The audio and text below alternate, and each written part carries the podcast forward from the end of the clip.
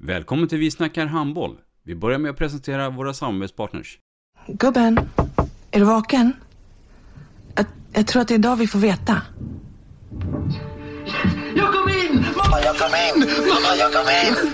Jag kom in! Ah! Vi finns där du är när livet förändras. För alltid välkommen till Länsförsäkringar. Nej men, ska du ha t-shirt på dig? Du, det är ingen vanlig t-shirt. Det är en nya bollar till klubben t-shirt. Och så matchar den grillkryddorna vi ska använda. Hur då? Men det är ju alla ska med på klassresan grillkryddor. Stötta barn och unga. Shoppa på newbodyfamily.com. Länge leve föreningslivet!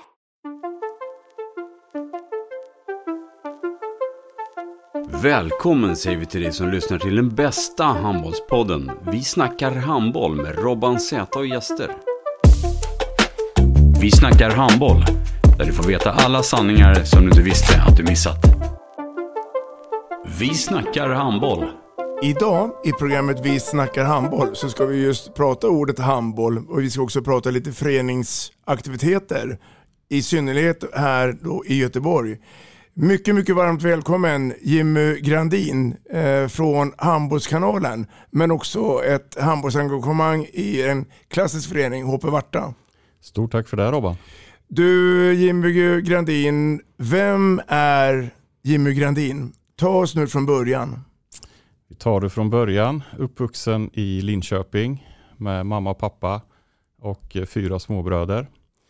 Eh, vi flyttade eh, när jag var tio år från en, en stadsdel som heter Skäggetorp där vi spelade fotboll och innebandy till en annan stadsdel i Linköping som heter Malmslätt. Mm. Och där var handbollen rotad och min bästa kompis pappa var handbollstränare för vårt pojkar 86-lag. Så att eh, där fick jag också min första kontakt med handbollen då. Eh, sen efter Linköping så blev det flytt till Göteborg för studier på Chalmers. Och eh, här har jag blivit fast med mm. fru, två barn, fyra och två år. Eh, ett tredje på gång. Och eh, ja, som du sa i inledningen här, en, en rad olika handbollsengagemang. Jag brinner både för sporten som, som spelare, för det, den härliga känslan att eh, lura en målvakt från mittsex och för det samhällsverktyg som det är för mig. Mm. Att kunna påverka och göra saker bättre och må, få människor att må bättre i samhället. Mm. Om vi backar tillbaka då, tiden eh, som ungdom och i Linköping. Var det självklart att det skulle vara idrott eller hade du andra intressen parallellt? Ja, men det var väl självklart så sett att mamma och pappa hade idrottat eh, och tyckte att det var ett bra sätt att eh, liksom aktivera barn och liksom få oss att lära oss saker och få kompisar och hela den biten. Eh, så att det var väl liksom självklart för dem att liksom låta oss prova på olika sporter. Eh, och jag tror att i mitt fall så var det absolut inga problem utan jag fastnade direkt i liksom hela grejen.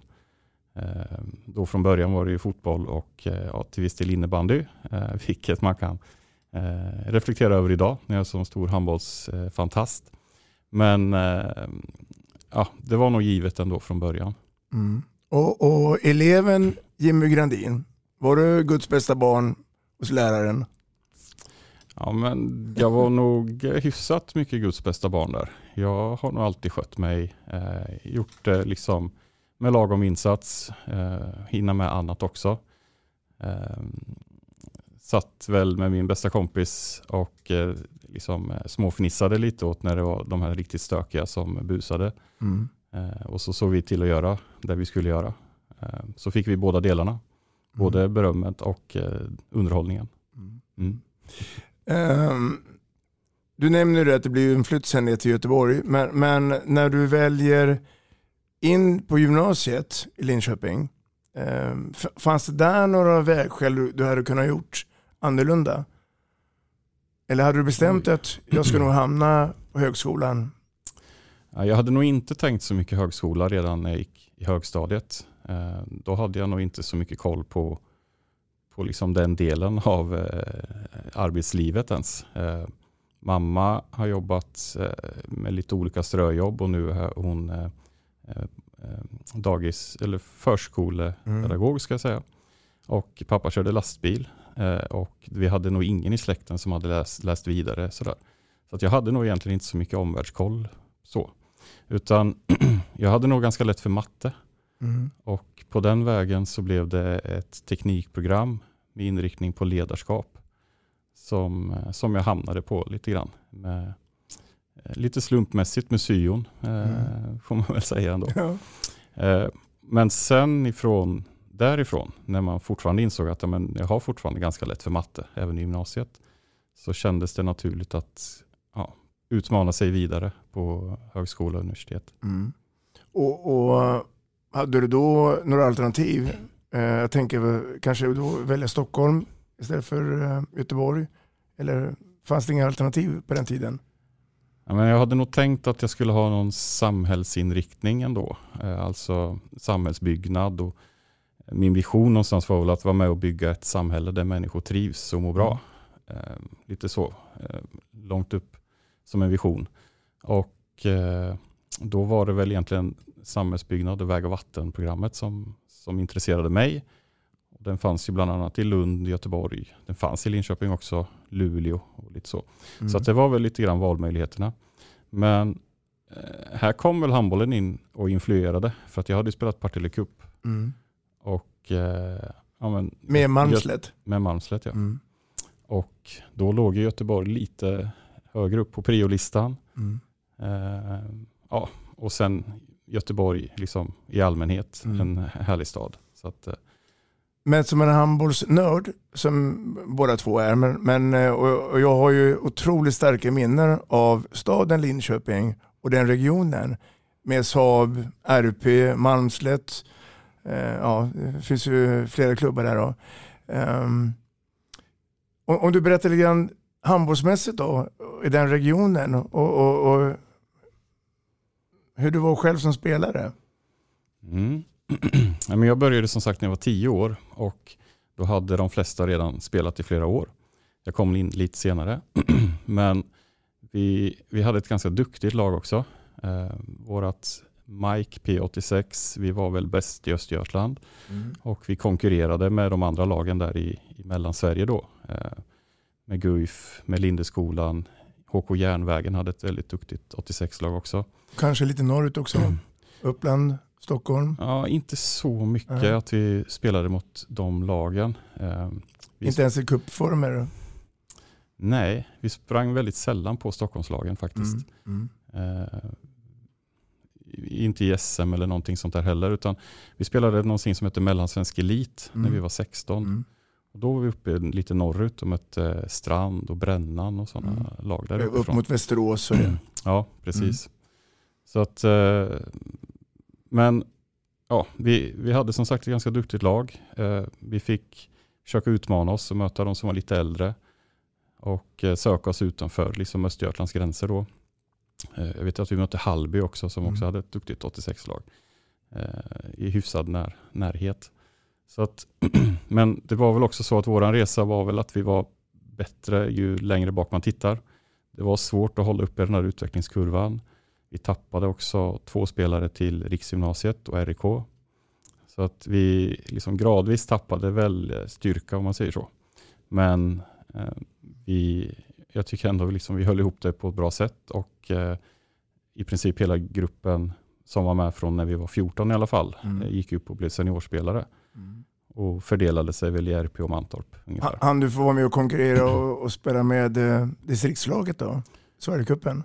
Ja, det var ju också starkt influerat av, av Malmslätt och av Ljungsbro. Mm. Eh, som också hade ett, ett, ja, några spelare som var väldigt duktiga. Mm. Så att det Östgötalaget, Sverigecupen 2002, eh, vi gick faktiskt till semifinal.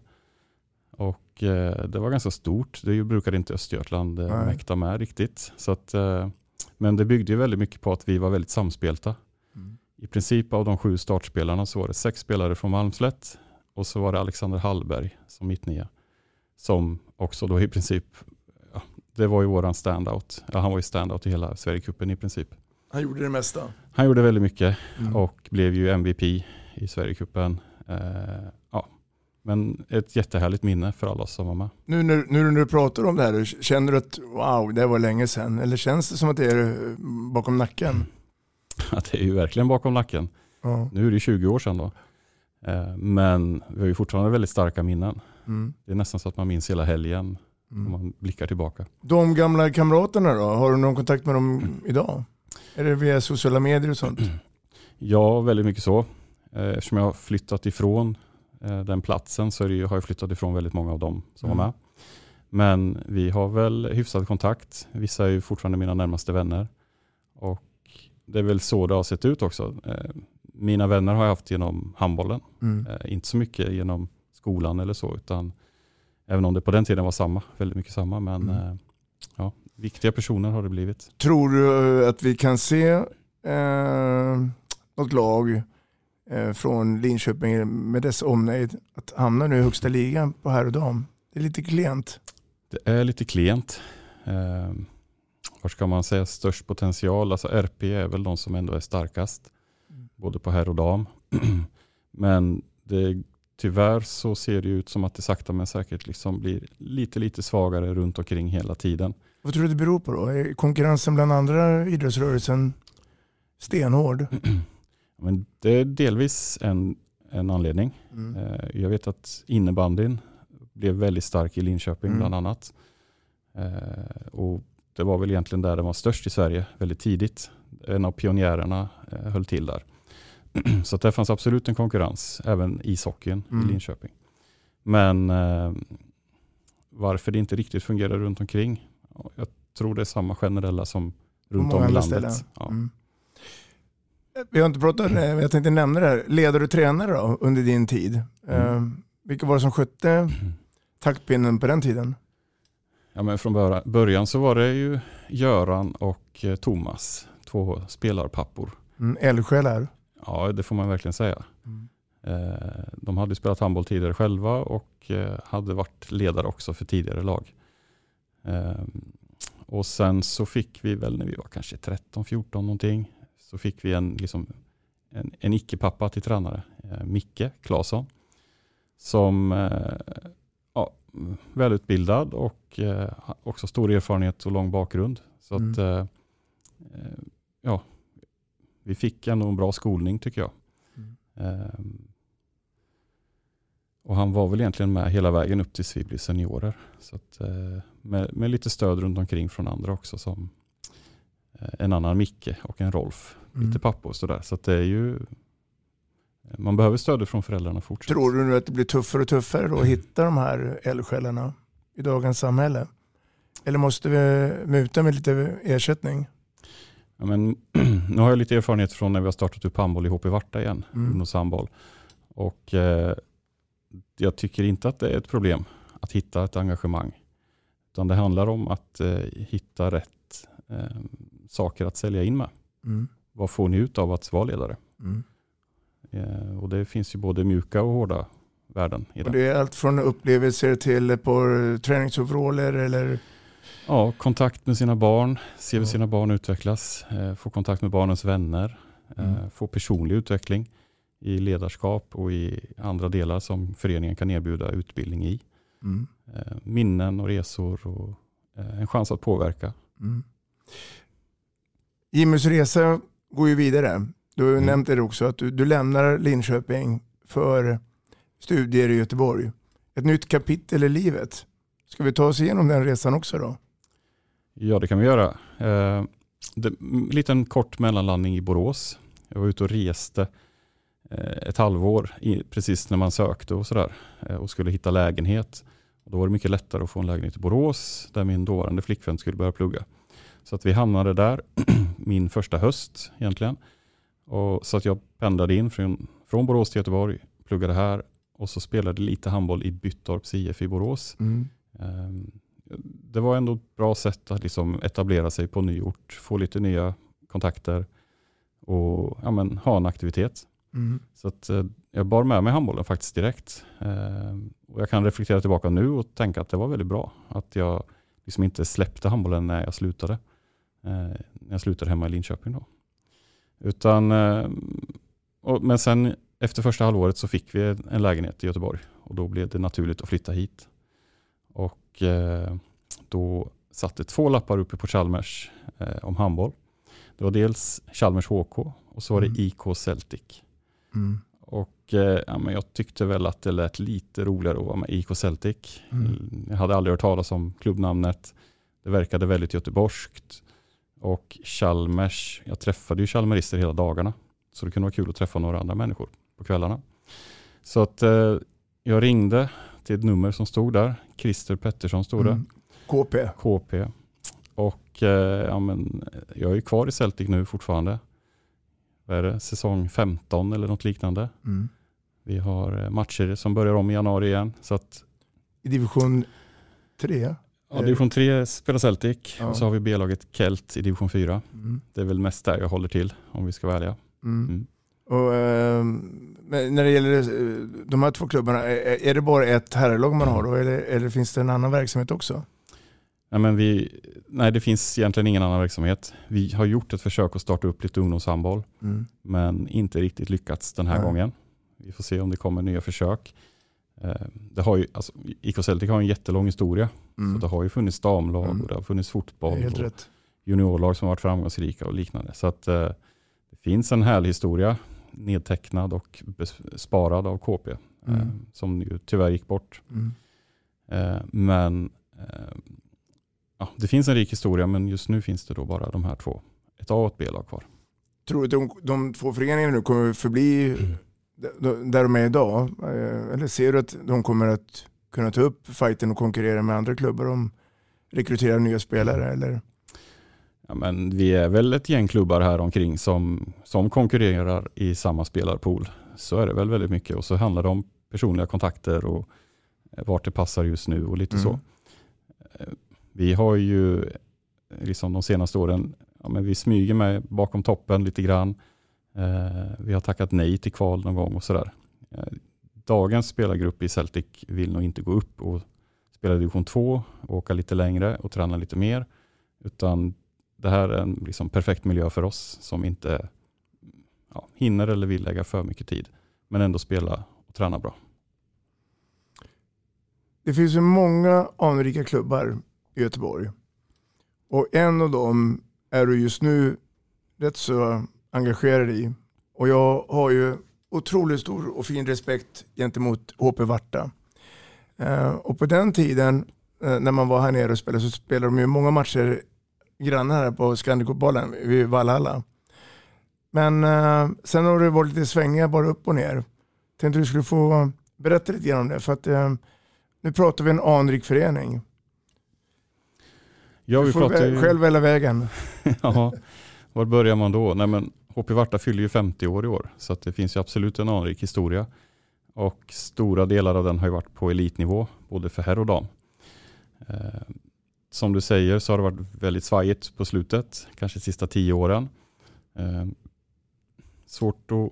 Ja, det började väl med ekonomiska problem. Eh, men eh, eh, ja, det har varit svajigt att hitta Mm. rätt personer och ett stort engagemang. Nu har vi väl sista ett och ett halvt året hittat en bra rull och en bra organisation. Eh, Så att ja, vi har gjort en jätteresa egentligen. Från två seniorlag med ungefär 30 medlemmar kanske till att vi nu har över 500 aktiva spelare, ledare, domare, funktionärer. Och, och nu håller vi till ute på Hisingen. Vi håller till ute på Hisingen. Mm. Jag brukar säga mellan Backaplan och Biskopsgården. Mm. Alltså hela den norra älvsidan. Eh, inte ut mot Torslanda, Backa, Kärra utan de är egna starka föreningar också. Mm. Men det finns ett, eh, ett stort område närmare city eh, där Varta har upptagningsområde nu. Och här pratar vi både för pojkar och flickor, eh, damer och herrar. Ja, idag är vi väldigt balanserad. Herr och damlag och eh, pojk och flicklag från 12 år och neråt. Eh, Så det känns jättebra. Och hemmaborgen är Lundbystrand. Ja, den är den starkaste hemmaborgen. Mm. Men vi är ju i, vad är vi nu, 13 hallar tror jag. Mm. Man får ju jaga tider och när vi har gjort en sån snabb liksom, uppväxling från tre träningstimmar till över 30, då får man ju ta de tider som finns i alla möjliga hallar. Så att eh, vi är i princip i varenda hall som finns i närområdet. För, för de som inte känner till Lundbystrand så är det inte bara en hall under ett och samma tak. Det finns ju fem spelplaner. Eh, en A-hall så att säga med bra läktarkapacitet och sen så är det fyra planer som ligger tajt med varandra men ändå fullplaner och eh, ja, eh, alltså det, det är en jättebra anläggning så sett. Mm. Vem driver hallen? Gör ni det eller? Nej, det är Älvstranden, ett kommunalt bolag kan man säga Mm. som, som driver och driftar hallen. Och då ska ni konkurrera med andra idrotter också då? Innebandy och Exakt. futsal och allt vad det är? Exakt. Innebandy, futsal, volleyboll, eh, frisbee, Mm. allt möjligt. Och är det så att Åby Varta idag har, har endast handboll? I, eller har man andra sporter Ja, i namnet? HP Varta har ju bara handboll. Mm. Sen finns det en systerförening som heter IF Varta som är Mm. en fotbollsförening. Mm. HP Varta kom ju ur IF Varta på 70-talet eh, när man bröt loss eh, och slog ihop handbollspojkarna, alltså HP, Mm. med IF Varta handboll. Och då Mm. blev det HP Varta. Mm.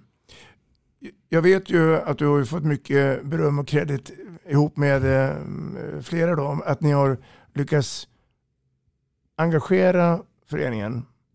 Hur, hur tänkte du när du klev in här? Ska jag göra det här? Eller? Alltså jag tänkte väl, eh, jag började ju änden av mina barn, att det hade varit kul om de fick aktivera sig lite. Och ja, min äldste är ju fyra år nu, Mm. så att eh, man vill gärna vara inomhus på vinterhalvåret.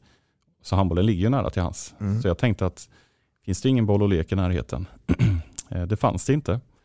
Varken Varta eller Bjurslets IF som är en annan handbollsförening som ligger i området Mm. eh, hade någon egentlig verksamhet. Eh, så att då tog jag kontakt med Varta för att jag kände att där finns nog mest potential eh, på sikt om, om det här blir någonting. Eh, och då sa väl de att ja, det är välkommen och kom in och testa. Så jag tog på mig rollen att bli ungdomsansvarig.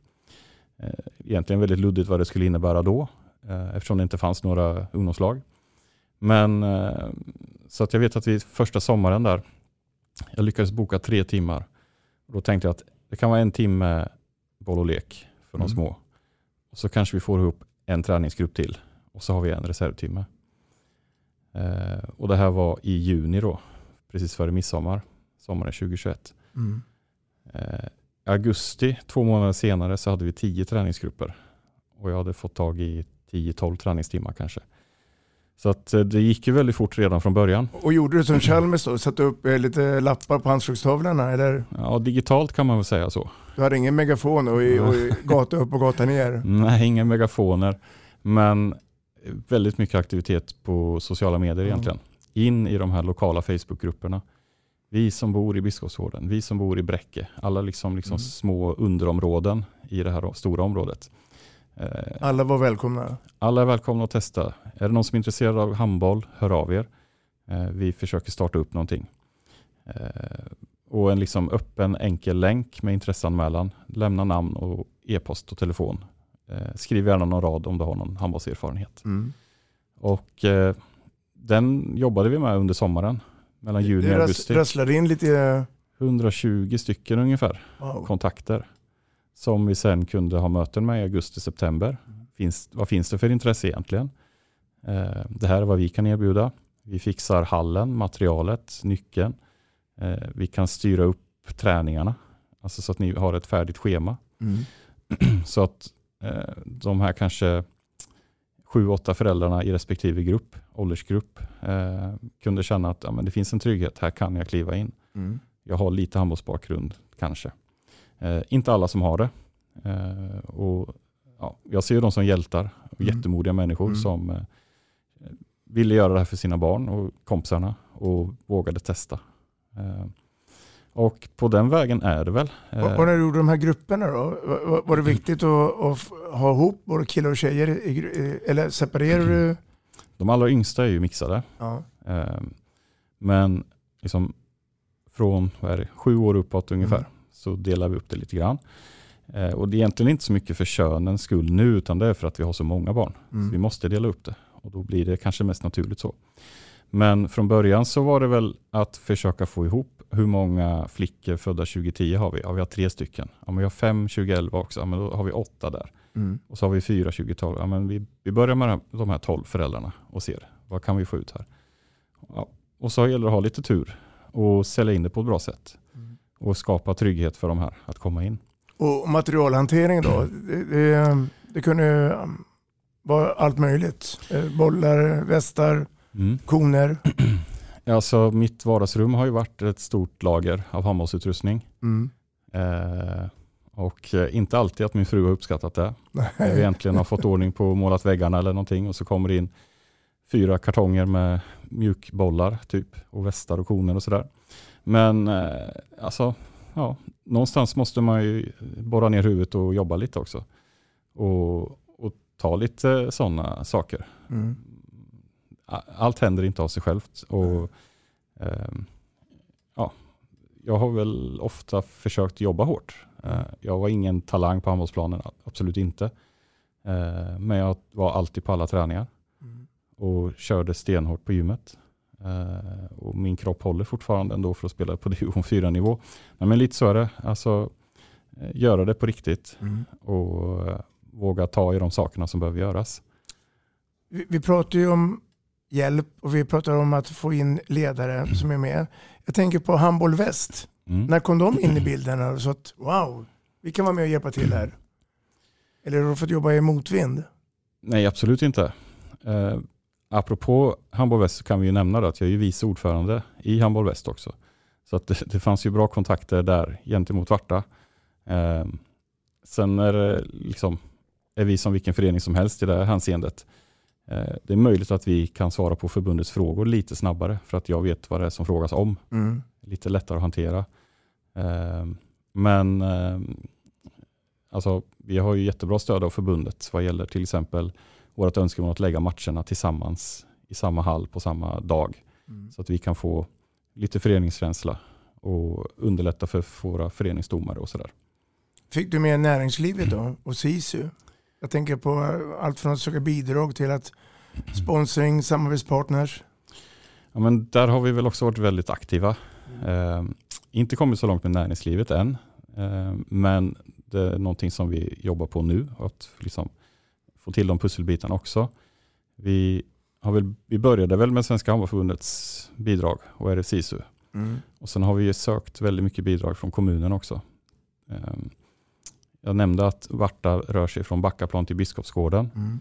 Det betyder att vi har områden som både Eriksberg som är socioekonomiskt starkt och vi har Biskopsgården, Länsmansgården som är i andra änden av den skalan. Tuffare. Ja. Vilket innebär att eh, om vi som förening lyckas med våra aktiviteter så når vi också barn i de här olika områdena att aktiveras tillsammans. Vilket ju socialförvaltningen tycker är fantastiskt. Så att vi har eh, alltså en jättebra relation med socialförvaltningen i Göteborg på Hisingen till exempel. Eh, och liksom hitta olika sätt att eh, samverka. Mm. Även med fastighetsbolag, skolor, eh, polisen, eh, Västsvenska handelskammaren. Det finns, finns många organisationer liksom, som är intresserade av att vara med, Mm. som vi håller på att jobba upp. Apropå samarbete då, Jimmy, jag tänker på moderklubben då, IF Varta. Mm. För det finns ju andra sporter också totalt sett. Är det där någonting man kan också hitta samarbete? Att man, man kan hålla på med flera sporter men det gäller bara att kommunicera med varandra. Mm. Hur tänker man här? Men där tänker vi ganska mycket. Och eh, där har vi i HP Varta initierat att vi ska ha ett samsynsavtal på centrala Hisingen. Mm. IF Varta är en av fotbollsföreningarna. Det finns en ännu större fotbollsförening som heter BK Häcken. Mm. Och det finns flera andra också i det här området. Vi är, den, vi är den enda handbollsföreningen men det finns flera basketföreningar, flera innebandyföreningar, flera fotbollsföreningar. Så att där har vi eh, tillsammans med då RFSIS initierat att vi ska prata ihop oss ännu bättre mellan föreningarna. Mm. Så att vi kan skapa de här förutsättningarna som du är inne på. Eh, vi har ju en jättestark tro på att multidrottande är bra. Eh, ju fler sätt som barn och ungdomar kan röra sig på desto bättre blir de på handbollsplanen, på fotbollsplanen, på innebandyplanen. Vilken idrott som de liksom i slutändan själva väljer. Mm. Men då behöver vi föreningar hjälpas åt och skapa bra förutsättningar för det. Mm. Så att, eh, det har faktiskt varit en uppstartsprocess nu under hösten och i januari ska vi ha en första workshop tillsammans alla föreningar. Eh, och, och det får jag säga innan den workshopen så har det varit jättepositiva tongångar till det här. Föreningarna är med och det känns jätteroligt att vara i ett sånt ett område där föreningarna eh, liksom tänker framåt och tänker de här lite, lite större tankarna som man måste tänka. Mm. Och inte bara in i sin egen idrott. Och om eh, vi sitter här om, om några år och Hoppavart har etablerat sig som en ungdomsförening och sen skulle det rulla upp till seniorverksamheten. Tror du att det kommer finnas möjlighet för att starta ytterligare handbollsföreningar runt Hisingen? Eller känns det som att det är nog lagom mycket som det är? Ja, nej, alltså jag tycker ju att vi redan ska börja titta på det nästan. Eh, Du förstår min- mina tankar? Ja, alltså historiskt sett har det funnits jättemånga Mm. föreningar i det här området. Bjurslätts IF har vi nämnt, Tuve IF har vi Mm. nämnt med Magnus Islander som Mm. bland annat. Eh, och liksom Torslanda började som Taik och Tolered, det är ju Mm. också i samma område. så att det finns ju, och det finns fler, många fler. Eh, så att det finns absolut potential att liksom knoppa av på något sätt. Men eh, vi får väl börja i den här änden Mm. och så får vi se eh, om vi liksom geografiskt ser att nu har vi starka områden här men det är lite långt att ta sig till olika hallar. Då kanske man kan eh, tillsammans med förbundet då här i väst titta på hur skapar vi en ny förening. Mm. Eh, För att jag tror att ja, vi behöver fler klubbar. Och det är jättebra med typ fyra fem stycken nu på hissingen. Eh, Det är också lätt att sälja in till föräldrarna. Behöver inte åka till Trollhättan och Borås och Skövde utan eh, ni åker några tio minuter bort. Eh, Då är det lättare att välja handboll också. Mm. Parahandboll i Hoppavartas regi, kan det bli aktuellt? Ja, det finns ett styrelsebeslut, nu i december på att vi ska starta upp parahandboll. Så att vi ska nu i januari ha lite startmöten och fundera på exakt hur det ska bli. Men ambitionen är att ha prova på verksamhet nu februari, mars. Så det är absolut aktuellt. Eh, Handbollsskola då? Då, då tänker jag sommarhandbollsskola, sommarcamp och det.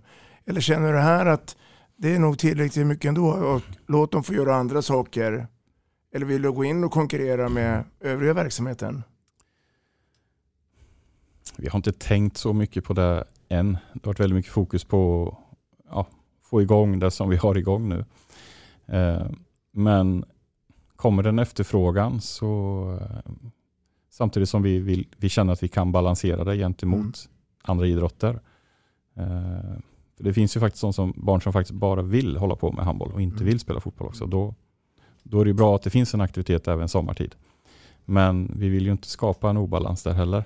Eh, utan det gäller att hitta bra sätt där. Eh, men till en sån camp så finns det ju gott om profiler som skulle kunna komma med gamla vartakläder på sig. Så att säga. Det, Jag tänker på en annan viktig samarbetspartner, det är skolan. Mm. Att bedriva lite handboll på gympalektionerna under Vartas regi. Skulle det uppskattas bland skolorna tror du? Eller är det, nej nej nej, hit men inte längre? ja, men det är ett av våra starkaste verktyg som vi haft här, den här uppstartsperioden. Att komma ut. Vi har varit på alla skolor som vi har i upptagningsområdet. Eh, Varta hade åtta stycken på vår lista och Bjurslet hade sex stycken. Så vi ringde till dem och sa kan vi låna dem också eftersom ni inte har någon verksamhet. Det går jättebra. Handbollens bästa. Eh, så att 14 skolor har vi, vilket är ganska mycket. Och första året så nådde vi ut till över 2100 elever på lågstadiet och till viss del mellanstadiet också. För vissa skolor ville ha det också. Ehm, och vi har samma resa nu också egentligen. Vi har gjort en, hälften ungefär nu under hösten och ska göra hälften till våren. Och ut och ja, släng ut bollarna i hallen. Mm. Låt barnen ha kul och upptäcka. Eh, vi är också med väldigt mycket på sådana här eh, event som RFSISU sätter upp, street games och liknande. Handboll Det är på torgen och eh, så sent som igår så var det ett event i en hall på Hisingen. Med, de testade handboll, fotboll, rugby och liknande. Och då var vi på plats med fyra ledare. Studsnät, gröna bollar, hela grejen. Så att vi har jättebra relation med skolorna på Hisingen. Eh, jag har nästan en personlig relation med rektorerna känns det som nu. Mm. Och de tycker det är jättekul. Idrottslärarna också jättenöjda. Så att, eh, och barnen älskar det. Så att. Mm. Om, om du skulle nu ha halva kepsen med Varta och halva kepsen med handboll väst mm. och vi ser hela den här regionen i Göteborg då. Eh, Är du orolig för den eventuella negativa trenden som finns? Alltså att klubbar eh, tappar kraft och energi? Eller ser du massa nya svampar som eh, poppar upp? Men det är väl när man liksom älskar handbollen på det här sättet så är man ju alltid orolig att det ska börja falla eller tappas eller så. Man blir nostalgisk kring alla härliga föreningar som har funnits och verkat. Eh, men tittar vi i Göteborg och runt omkring så finns det ju väldigt starka föreningar som är väldigt trygga. Eh, så att på det sättet så får man nog vara väldigt glad hur det ser ut. Eh, och liksom de diskussioner som vi har via förbundet med föreningsutveckling och rekrytering så finns det ju också ett otroligt engagemang där i de kommittéerna. Att liksom jobba för att utveckla fler föreningar, eh, hitta sätt att rekrytera spelare och ledare mm. och liksom stärka handbollen. Så att jag tror att eh, det finns potential att, att liksom, eh, det här ska bli väldigt starkt och bli starkare. Eh, vi har ju också draghjälp av mästerskapen såklart mm. i den här delen av landet. Ehm. Jag tänkte komma till det. Mm. Och, och, vi har ju det om några veckor nu när vi ska spela in det här. Skulle du vilja ha en dröm, eller kanske du redan har, att alla, alla som håller på med handboll, eh, bland ungdomar, riktigt så små ungdomar, skulle egentligen få bara gå in genom grindarna och bara titta på matcherna. Är det sätt att, att inte lura in dem, men engagera dem att wow, det här vill jag också hamna en vacker dag? Ja, men vi ska väl inte lura in dem utan vi ska motivera dem ja, att komma in. Locka in eh, dem. locka in dem. Eh, det finns ju initiativen med föreningsbiljetter och liknande.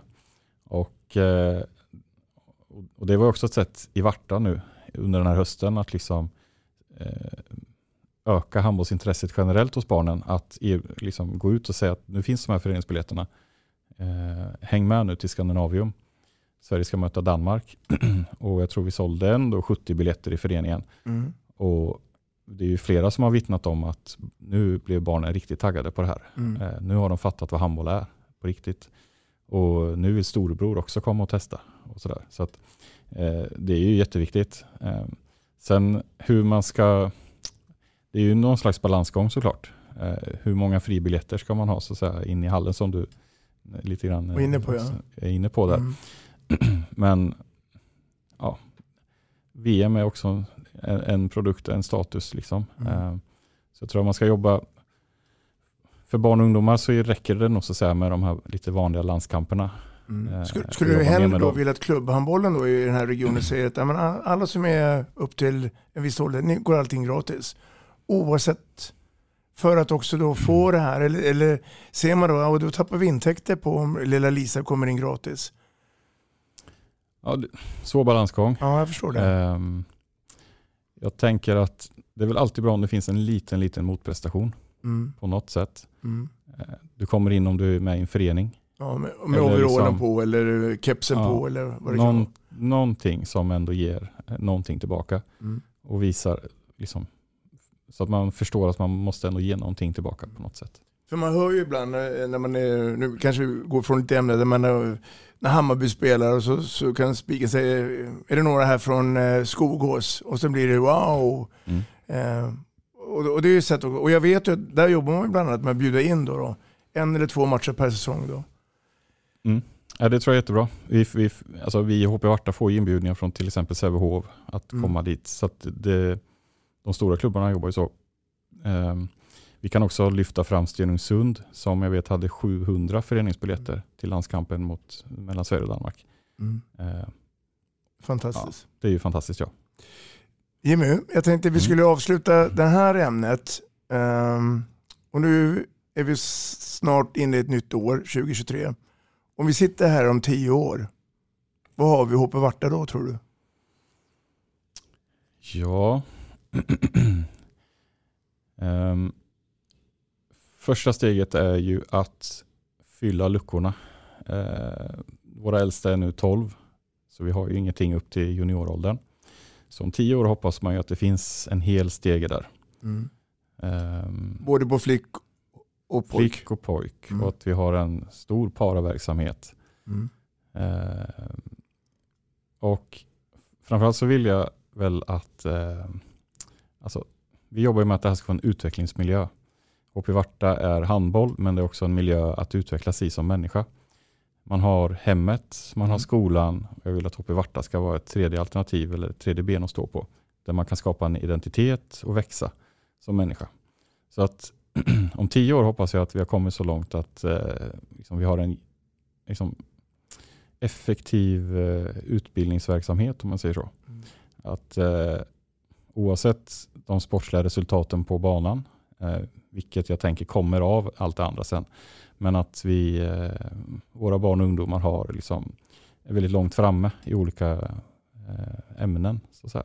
Handboll, psykisk hälsa och ohälsa, mm. Att man liksom kan ha prata och dialoger om det och att man liksom, både föräldrar och barn liksom får en chans att utvecklas i de här ämnena. Mm. Hur, hur, tror du stadsdelen Hisingen kommer se ut om tio år? Alltså det händer ju väldigt mycket på den del, i den delen av Göteborg. Um, Karlatornet är ju färdigt typ mm. under 2023 tror jag. Första inflytta. Och den delen av Lindholmen eh, utvecklas ju jättemycket och är ett stort kluster för liksom framsynta företag. Um, så att vi kommer ha fler invånare. Det kommer vara större ekonomi. Uh, jag hoppas att det kommer finnas minst lika mycket i handbollshallar. Det ska faktiskt byggas några stycken. Mm. Ehm, så att det finns ju potential att eh, växla upp det här. Utan att du vet, eller kanske vet, men känner du att Göteborg med lite omnejd har, har bättre förutsättningar än vår huvudstad i Stockholm? Eller ser du massa likheter? Det finns ju både likheter och skillnader. Det vi kan se på pappret är ju att det finns färre idrottshallar per invånare. Ehm, men samtidigt så finns det idrottshallar och då får man jobba, jobba med kvalitet i dem. Då. Eh, det som finns i båda är ju en stark handbollskultur. Mm. Eh, så den ska vi värna om och vara rädda om. Eh, sen finns väl likheten att det kanske är lite tufft att nå näringslivet. Det är inte lika lokalt som i, liksom på den medelstora orten. Mm. Varken i Göteborg eller i, i Stockholm. Utan, då når man ofta stora företag företag på liksom nationell och internationell nivå. Då är det lite svårare att få in dem i handbollen. Så, ehm, så det finns väl både likheter och skillnader. Jag kommer nog att eh, återkoppla när jag sitter här och gå igenom alla poddar om tio år. Får vi se eh, hur, hur nära sanningen vi kommer. Mm. Handbollskanalen yes. är ju en av många medier och sociala plattformar. Och Idésprutan och grundaren sitter mitt emot mig. Ja, en av två grundare i alla fall. Ja. Eh, Vi byter ämne nu och pratar Handbollskanalen. Ja, absolut. men det är väl också... Fjärde hatten du har på dig. Ja. Fjärde hatten, ett av mina barn. Eh, nej men, vad är det, sommaren 2015 så kom min kära lagkamrat Oskar Mattelin i Celtic då. Eh, ja, han hade en idé också om att det saknades någonting med handboll. En plattform, nyhetssida. Så att eh, vi tog varsin kebabrulle, satt på min balkong, funderade lite. Vad är det egentligen som saknas? Borrade ner oss lite grann. Vad finns? Eh, vad tycker vi om det som finns? Eh, och ja, vad tar du att äta en kebabrulle? En kvart? Mm. Ja, då hade vi bestämt oss för att vi ska testa och starta upp någonting. En sajt? En sajt. Och eh, två månader senare så lanserade vi handbollskanalen.se i sin första version. Eh, tanken bakom var väl egentligen att eh, skapa en sajt och en plattform och en miljö eh, på nätet där vi som älskar handboll kan vara stolta över vår sport också. Mm. Där vi liksom kan följa vad som händer. Vi får läsa de bra sakerna som händer runt om i landet. Vi får läsa när det inte är så bra och vad kan vi göra bättre då? Eh, att det liksom finns en chans att hänga med och få sina idoler.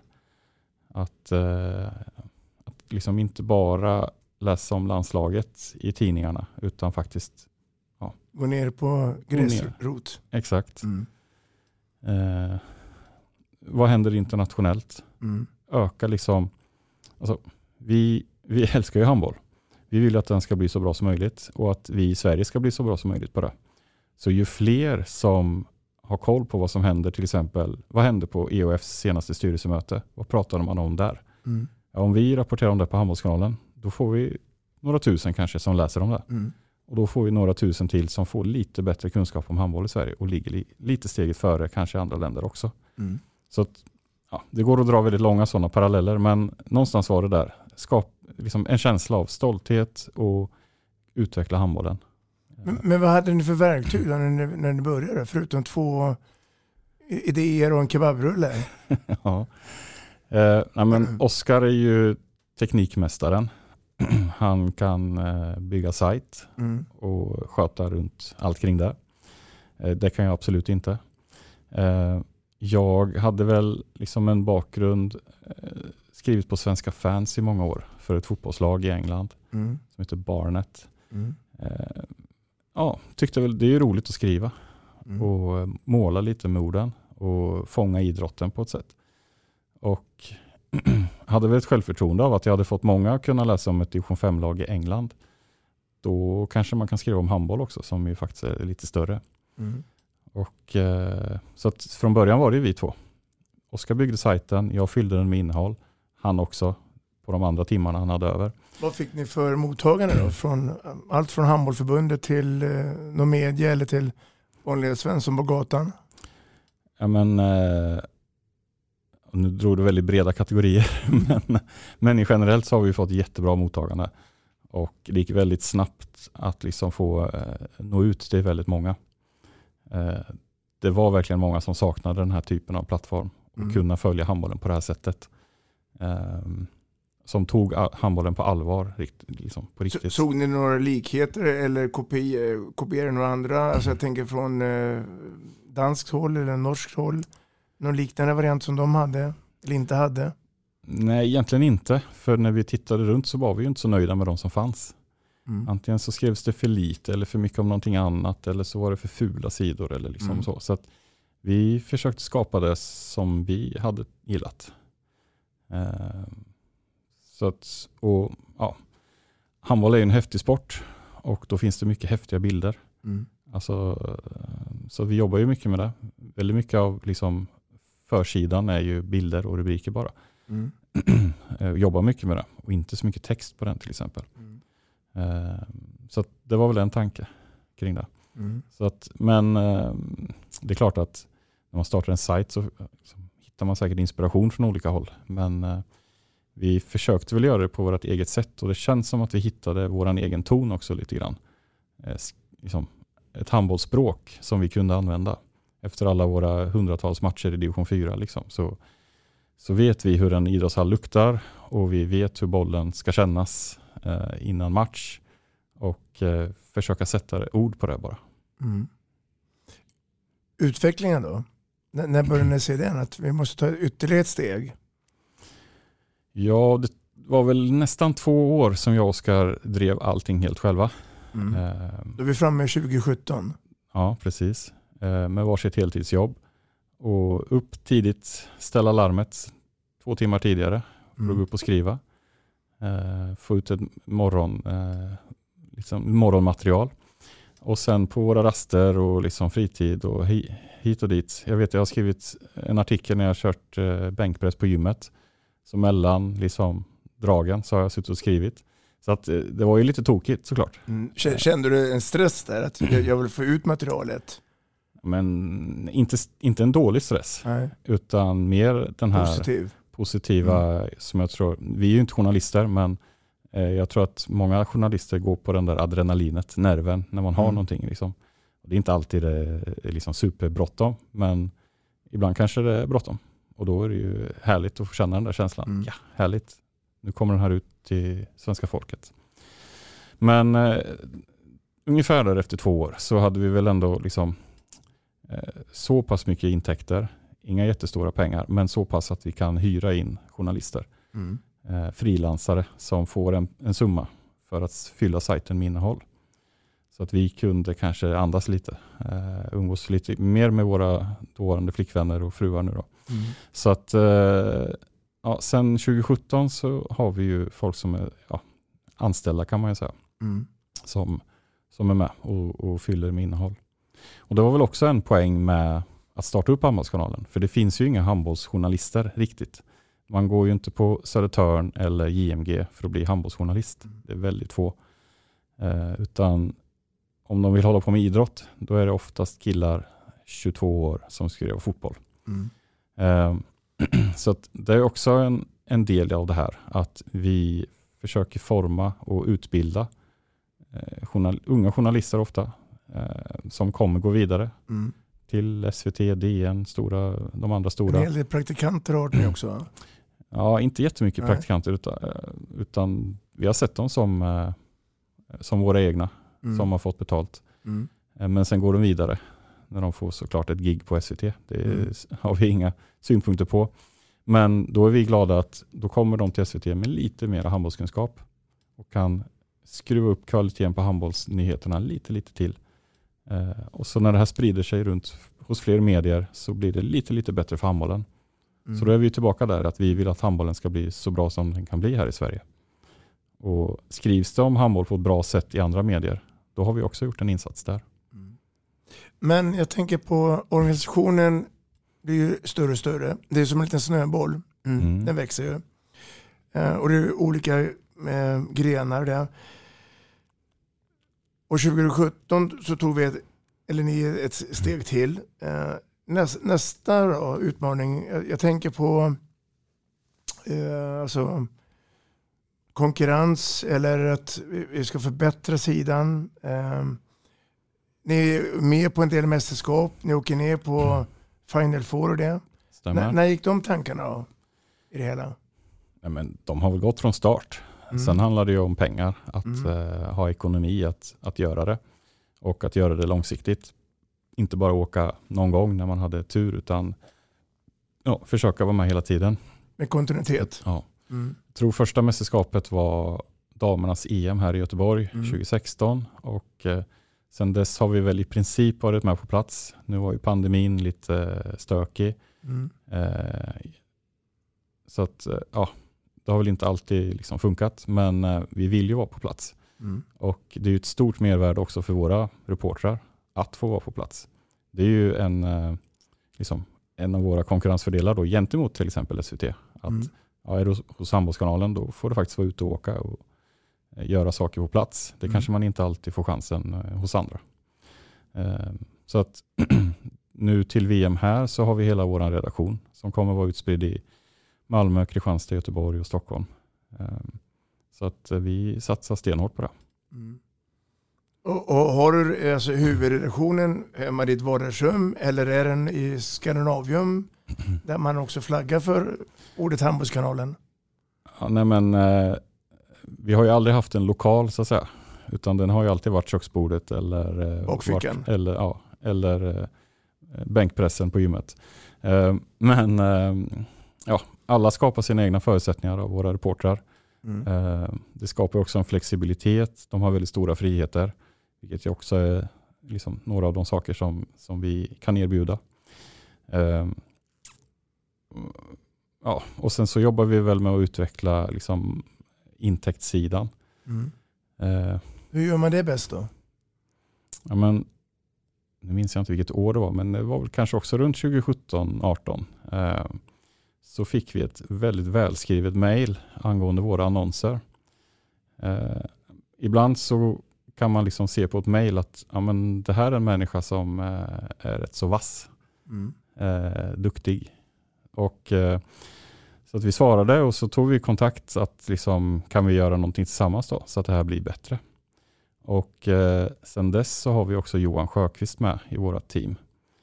Eh, med lite ansvar för, man säger, eh, intäkter med vad det kan vara, annonssälj och eh, kupper och liknande.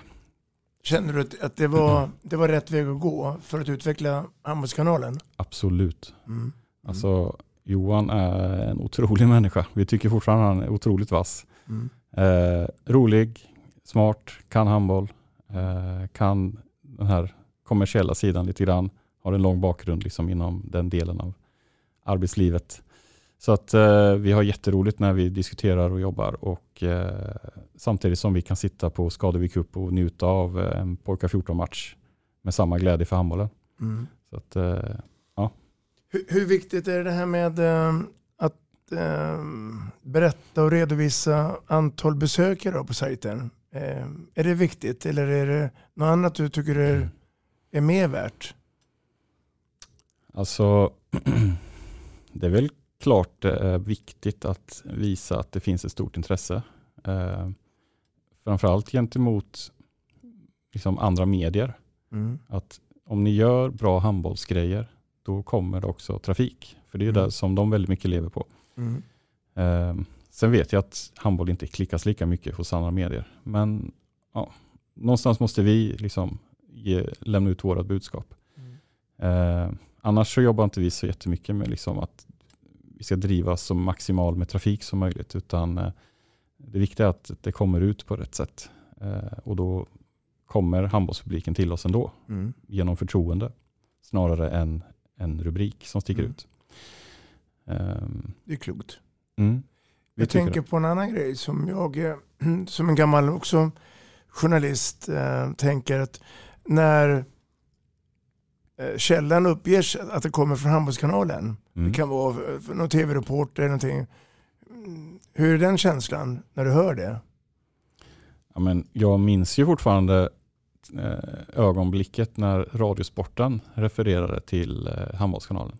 Mm. Och efter alla långa bilresor till bortamatcher, man lyssnar på Radiosporten i mörkret, så såklart väldigt speciellt. Mm. Ehm, och jag blir ju glad när andra eh, medier refererar till oss. Eh, alltså framförallt för att då skriver de om handboll. Mm. Det är ju så, vi eh, idag... Eller pratar. Ja. Idag så ligger vi väl på radarn hos de stora redaktionerna. Vad Mm. händer i handbollsvärlden? Ja, vi går in där och tittar lite grann. Mm. Så det är också en, en av poängerna med Handbollskanalen. Att kunna erbjuda liksom det smörgåsbordet. Göra det lite lättare för andra medier att skriva om handboll. För att här finns det lite mer lättillgängligt. Om det har varit nå, något klipp eller någon nyhet eller sådär. Mm. Ha- Har, du, har ni, du eller ni i redaktionen sagt att varje dag ska vi ha någon form av nyhet eller någon textmaterial? Eller kan det gå någon dag där det inte finns någonting? Nej, det är i princip aldrig så. Utan eh, vi har i princip täckning året runt varje dag med, med någon på redaktionen. Lyckas vi inte eh, någon röd dag till exempel eller så där, då hoppar vi själva in eh, och, och liksom ser till att det kommer upp någonting. Mm. Så att det händer någonting. Men i princip så händer det saker varje dag. Och målet är ju någonstans 10-15 publiceringar. Eh, det är liksom den balansgången gentemot hur mycket våra eh, ja, skribenter får. Så att säga. Mm. Vad vi kan kräva tillbaka. Om du tittar nu rent statistiskt, alltså vilka typer av artiklar får flest läsare? Har du någon sån här känsla att är det senaste matchen som är det viktigaste eller är det någon skandal att eh, Jimmy och Robban har varit ute på äventyr? Ja. Ehm, mest, alltså, det är ju såklart mästerskapen. När Sverige går bra i ett mästerskap så blir det ju otrolig fart på allting. Då kommer ju även de här som inte följer handbollen dagligen. Så så är det ju eh, rena fakta. Eh, sen är det ju väldigt varierat. Alltså vi ser att det finns ett väldigt stort tryck när vi skriver om allsvenskan, division 1, division 2 också. Eh, där försöker vi bli ännu bättre. Vi har inte varit superbra på det på sistone. Så nu har vi som mål närmaste tiden att eh, skruva upp bevakningen där. Mm. Jag vet att det har redan setts lite grann med Kiruna har varit i farten och eh, Hultsfred var med och lite sådär. Så att vi, det är där vi vill vara. Det Är är där, klubbarna för dåliga tycker du på att skicka in pressmeddelanden? alltså både och. Eh, vissa klubbar är jättebra och det, alltså vi blir ju glada varje gång det kommer ett för att vi vet att då har någon människa lagt energi Mm. och vill nå ut med det här. Så att, och det är ju ett smidigt sätt också för oss såklart. Eh, men eh, jag vet inte, det är svårt såklart att, eh, att skriva ett bra pressmeddelande och ha de resurserna i alla föreningar. Det, är nog inte möjligt på det sättet. Men jag tycker väl att när man har nå- något lite större så ska man i alla fall testa. Sen är det så, vi har väl kanske per dag så har man kanske upp till 200 trådar att dra i. Mm. Eh, Olika tips, pressmeddelanden, nyheter man ser själv, saker man själv har tänkt. Så att, eh, och så, så ska det trattas ner till 10-15 stycken. Så det är ju tyvärr så att allt inte får plats såklart. Mm. Eh, Men det är ju så det ser ut. Ser du den närmaste tiden att det kommer komma upp någon kopia av Handbollskanalen? Någon eh, konkurrent? Alltså jag hoppas det. Mm. Vi vill att det ska finnas, precis som det ska finnas fler handbollsklubbar, Mm. så vill ju vi att det ska finnas tio handbollssajter som Handbollskanalen. Mm. Tänk vad det hade gjort för svensk Mm. handboll. Mm. Jag, jag instämmer och håller med. Ja, Konkurrens så, är bra. ja, alltså vi älskar handboll. Mm. Om några andra vill skriva, kan skriva, vill göra det så jättegärna. För att eh, då kanske de får ett tips om något gräv någonstans som kan leda till något bättre. Eller bara ser handbollen på något annat sätt. Eller liksom, sådär. Så att, eh, alla initiativ tycker vi bara är bra. Vi älskar ju att prata handboll. Mm. vad, vad, vad tror du kan bli nästa steg då med Handbollskanalen? Det finns olika eh, mediaplattformar. Bild, tal och skrift givetvis också. Då. Se- Ser du där en utveckling eller ska ni nöja er med att vi ligger på den digitala marknaden och jobbar först med skrivande texter? Eh, vi har ju jobbat lite grann med video kopplat till Mm. mästerskapen. Eh, det kräver ganska mycket resurser. Det kräver också- Tungjobbat. Tungjobbat. Eh, kan ibland också kosta väldigt mycket pengar. Mm. Få tillgång till att ens filma en intervju Mm. kopplat till mästerskap. Så att eh, det är liksom lite större trösklar att ta sig över. Ehm, det som vi har, har som mål det är ju att lansera en internationell sajt. Det finns ju några stycken där också men kanske inte vi tycker heller är de bästa och skriver som vi vill. Mm. Ehm, Så det här har varit roligt att testa och kliva ut där och ehm, ja, få lite handbollshype via den vägen också. Mm. Det här forumet som vi pratar nu, podd, Mm. är det tror du för stanna eller ser du det här som en mellan, mellanstation? Jag tänker på det här med papperstidningar och digitala, Mm. eh, tv, ska vi streama nu matcherna ännu mera? Mm. Nej men poddformatet kommer nog stanna för väldigt lång tid framöver. Det tänker jag, liksom, det har ju varit radio tidigare och nu Mm. är det lite mer liksom, eh, enskilt kanske i poddar och sådär. Ehm, Att man följer enskilda program. Tidigare kanske man lyssnade på Karlavagnen varje kväll Mm. men man, man kunde liksom inte följa Karlavagnen. Ehm, Så att det tror jag absolut. Ehm, Från vår sida så är det väl en, eh, också en resur- resursfråga. Och eh, liksom, ja, det kräver väldigt mycket resurser Mm. såklart. Mm. Och tankeverksamhet. Jag tänkte ta slutligen också det här med eh, webb-tv och det. Mm. Och du och jag är ju nördar eh, och man vill ju se mycket på handboll. Eh, och vi gnäller generellt nu eh, att vi har låga publiksiffror.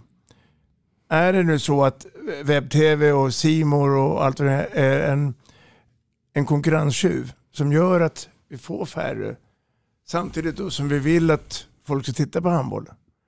Jag har svårt ibland att få ihop den här ekvationen. Mm. Vad tänker du?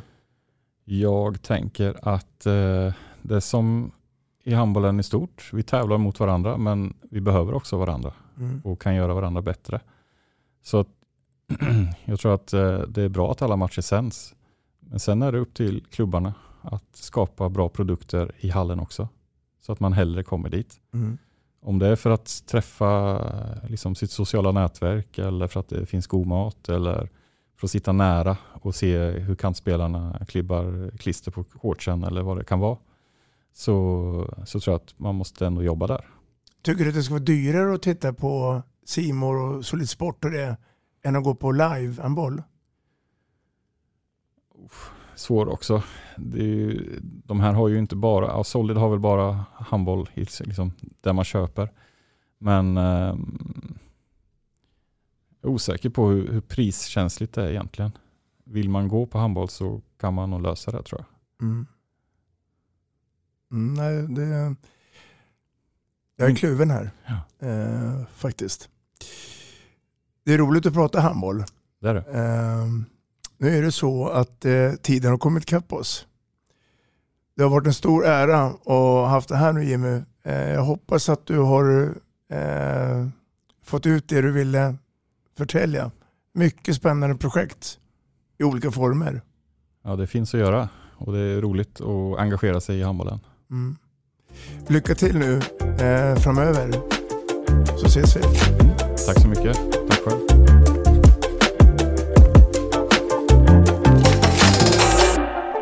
Vi snackar handboll, där du får veta alla sanningar som du inte visste att du missat.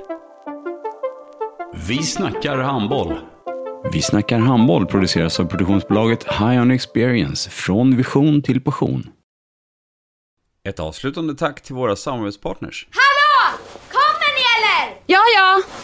Har du sett mina ankelsockar? De här? Nej, nej, jag menar skridskoslip till juniorlaget Ankelsockarna. Ja, men kolla bredvid träningsläger med handbollstjejerna-t-shirtarna. Stötta barn och unga. Shoppa på newbodyfamily.com. Länge leve föreningslivet! Gubben, är du vaken?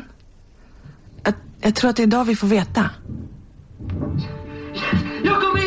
Mamma, jag kom in! Mamma, jag kom in! Jag kom in! Ah! Vi finns där du är när livet förändras. För alltid välkommen till Länsförsäkringar.